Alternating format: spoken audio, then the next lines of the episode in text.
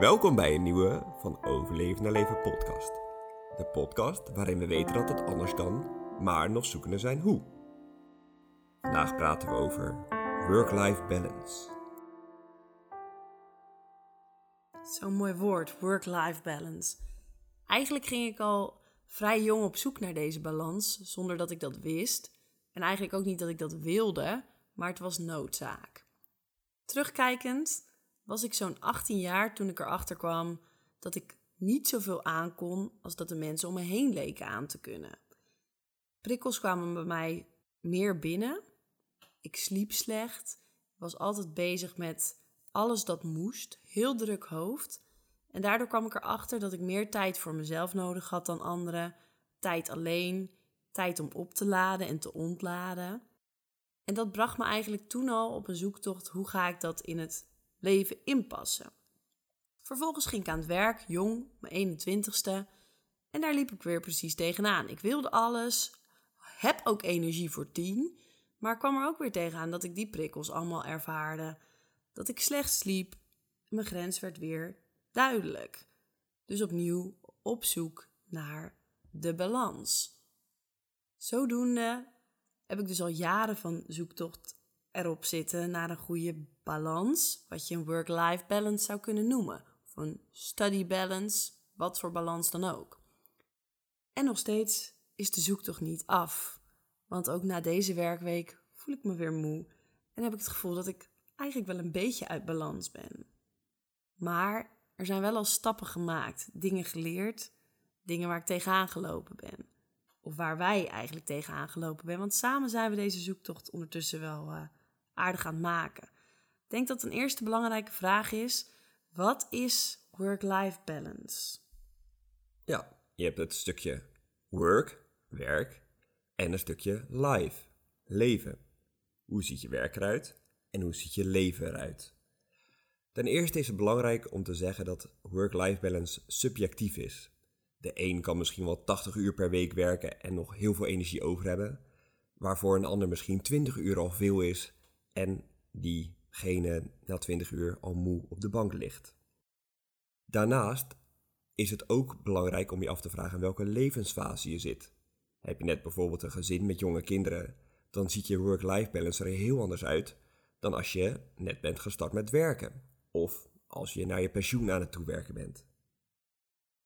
Ten slotte is het ook belangrijk om je af te vragen of het werk je passie is. Past het werk goed bij je of past het misschien helemaal niet zo goed bij je? Is het je opgelegd? Ben je misschien gestimuleerd door ouders of vrienden om een bepaalde opleiding of werk te gaan doen? Is het helemaal je eigen keuze geweest? Hoeveel vreugde en plezier haal je uit je werk? Hoe zit dat? Eigenlijk zeg je dus heel erg dat het belangrijk is om puur naar jezelf te kijken en niet naar hoe het voor anderen is. Anderen die precies hetzelfde werk doen, die geen werkdruk ervaren, dat dat niet hoeft te bepalen dat jij ook geen werkdruk hoeft te ervaren. Of als jij wel heel veel werkdruk ervaart, of heel veel spanning en stress, dat dat voor een ander weer heel anders kan zijn. Omdat je één, niet weet hoe dicht het werk bij de passie ligt van die persoon. Maar twee, dat je ook niet precies weet hoe een thuissituatie, dus het privéstuk, het levensstuk van de ander eruit ziet. Zoals ik wat net noemde, op jonge leeftijd was ik al op zoek naar die balans, omdat ik hooggevoeligheid heb, prikkels meer binnenkomen. Dan is het dus vanzelf eigenlijk dat je work-life balance anders is. Want op werk komt alles heel erg binnen. En je hebt dus meer tijd nodig om die prikkels allemaal weer te kunnen verwerken. Dus het is echt heel subjectief. Vandaag praten we vooral over een stukje work, werk dus. Ja, en dan denk ik, hoe ziet de balans op werk er vooral uit voor ons? Hoe proberen wij dat toe te passen? Ja, ik ehm, ben nu voor mijn acht jaar aan het werk als meester. En de eerste zeven jaar heb ik fulltime gewerkt. En sinds dit jaar heb ik besloten om één dagje minder te gaan werken. Ik ben nog geen papa, het is geen papa-dag, maar het is gewoon een echte jobdag. Een dag helemaal voor mezelf. Een dag waar ik kan doen waar ik zelf zin in heb ik heb tijd voor mijn hobby's. Ik hou heel erg van fotograferen. Um, ik ben met gitaarspelen weer begonnen. Dat vind ik superleuk. Ik kan lekker gaan sporten. Echt een dag voor mezelf.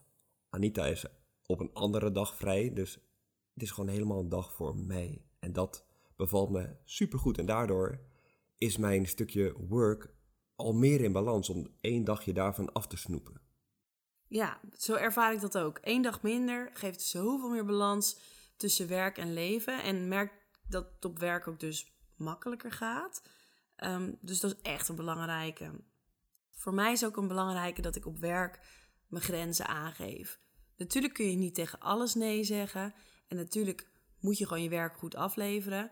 Maar wanneer er bijvoorbeeld gevraagd wordt om s'avonds te vergaderen, s'avonds extra dingen te doen. Heel veel mensen zeggen altijd maar ja, want ze willen niet uh, onderdoen voor een ander of willen gemotiveerd blijven of lijken. Of zijn het ook echt, dat kan natuurlijk ook.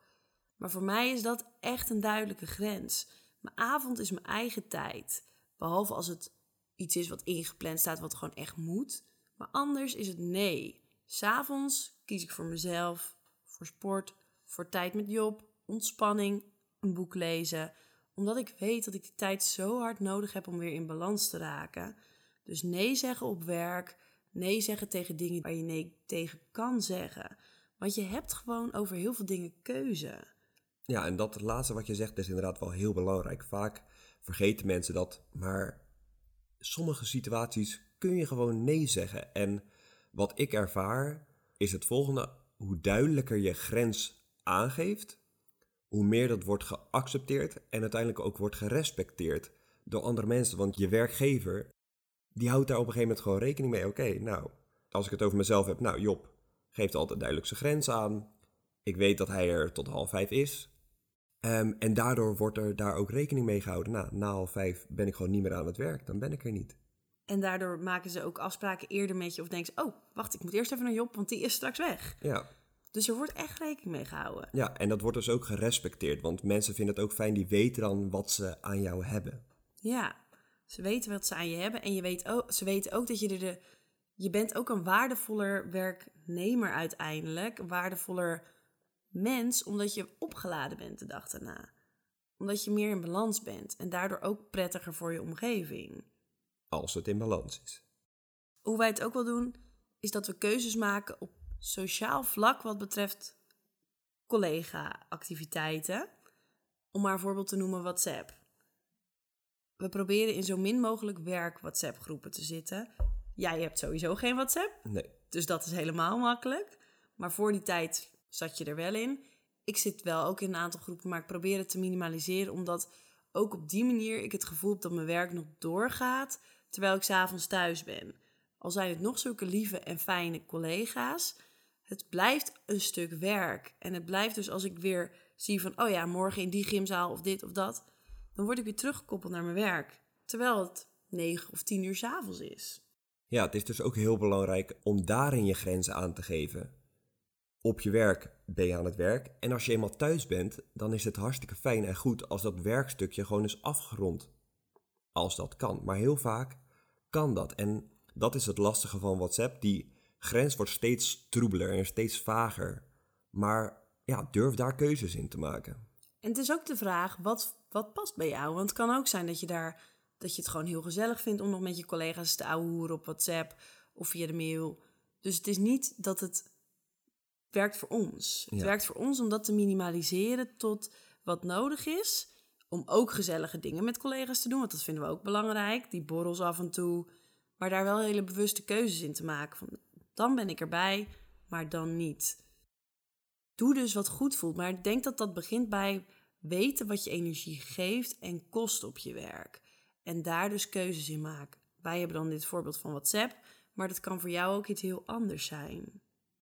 Als je nu aan het luisteren bent en nou, je voelt je hierdoor wel aangesproken work-life balance, wat voor tips zouden wij jou dan nu mee kunnen geven? Denk ten eerste, kijk eens heel kritisch naar je financiële situatie, is het eventueel mogelijk om een dag minder te werken. Bij ons beiden heeft dat heel veel gebracht. Niet alleen de ontspanning en de tijd voor jezelf, maar ook een bepaalde verdieping in het leven. Omdat je daardoor tijd krijgt waar je dingen in kan doen waar je anders niet aan toe komt. Ik vind echt dat wij daar heel erg door gegroeid zijn als mens, die dag voor jezelf. En dus uiteindelijk zelfs ook wel in je werk. Omdat je als mens groeit van tijd voor jezelf. Ja, zeker.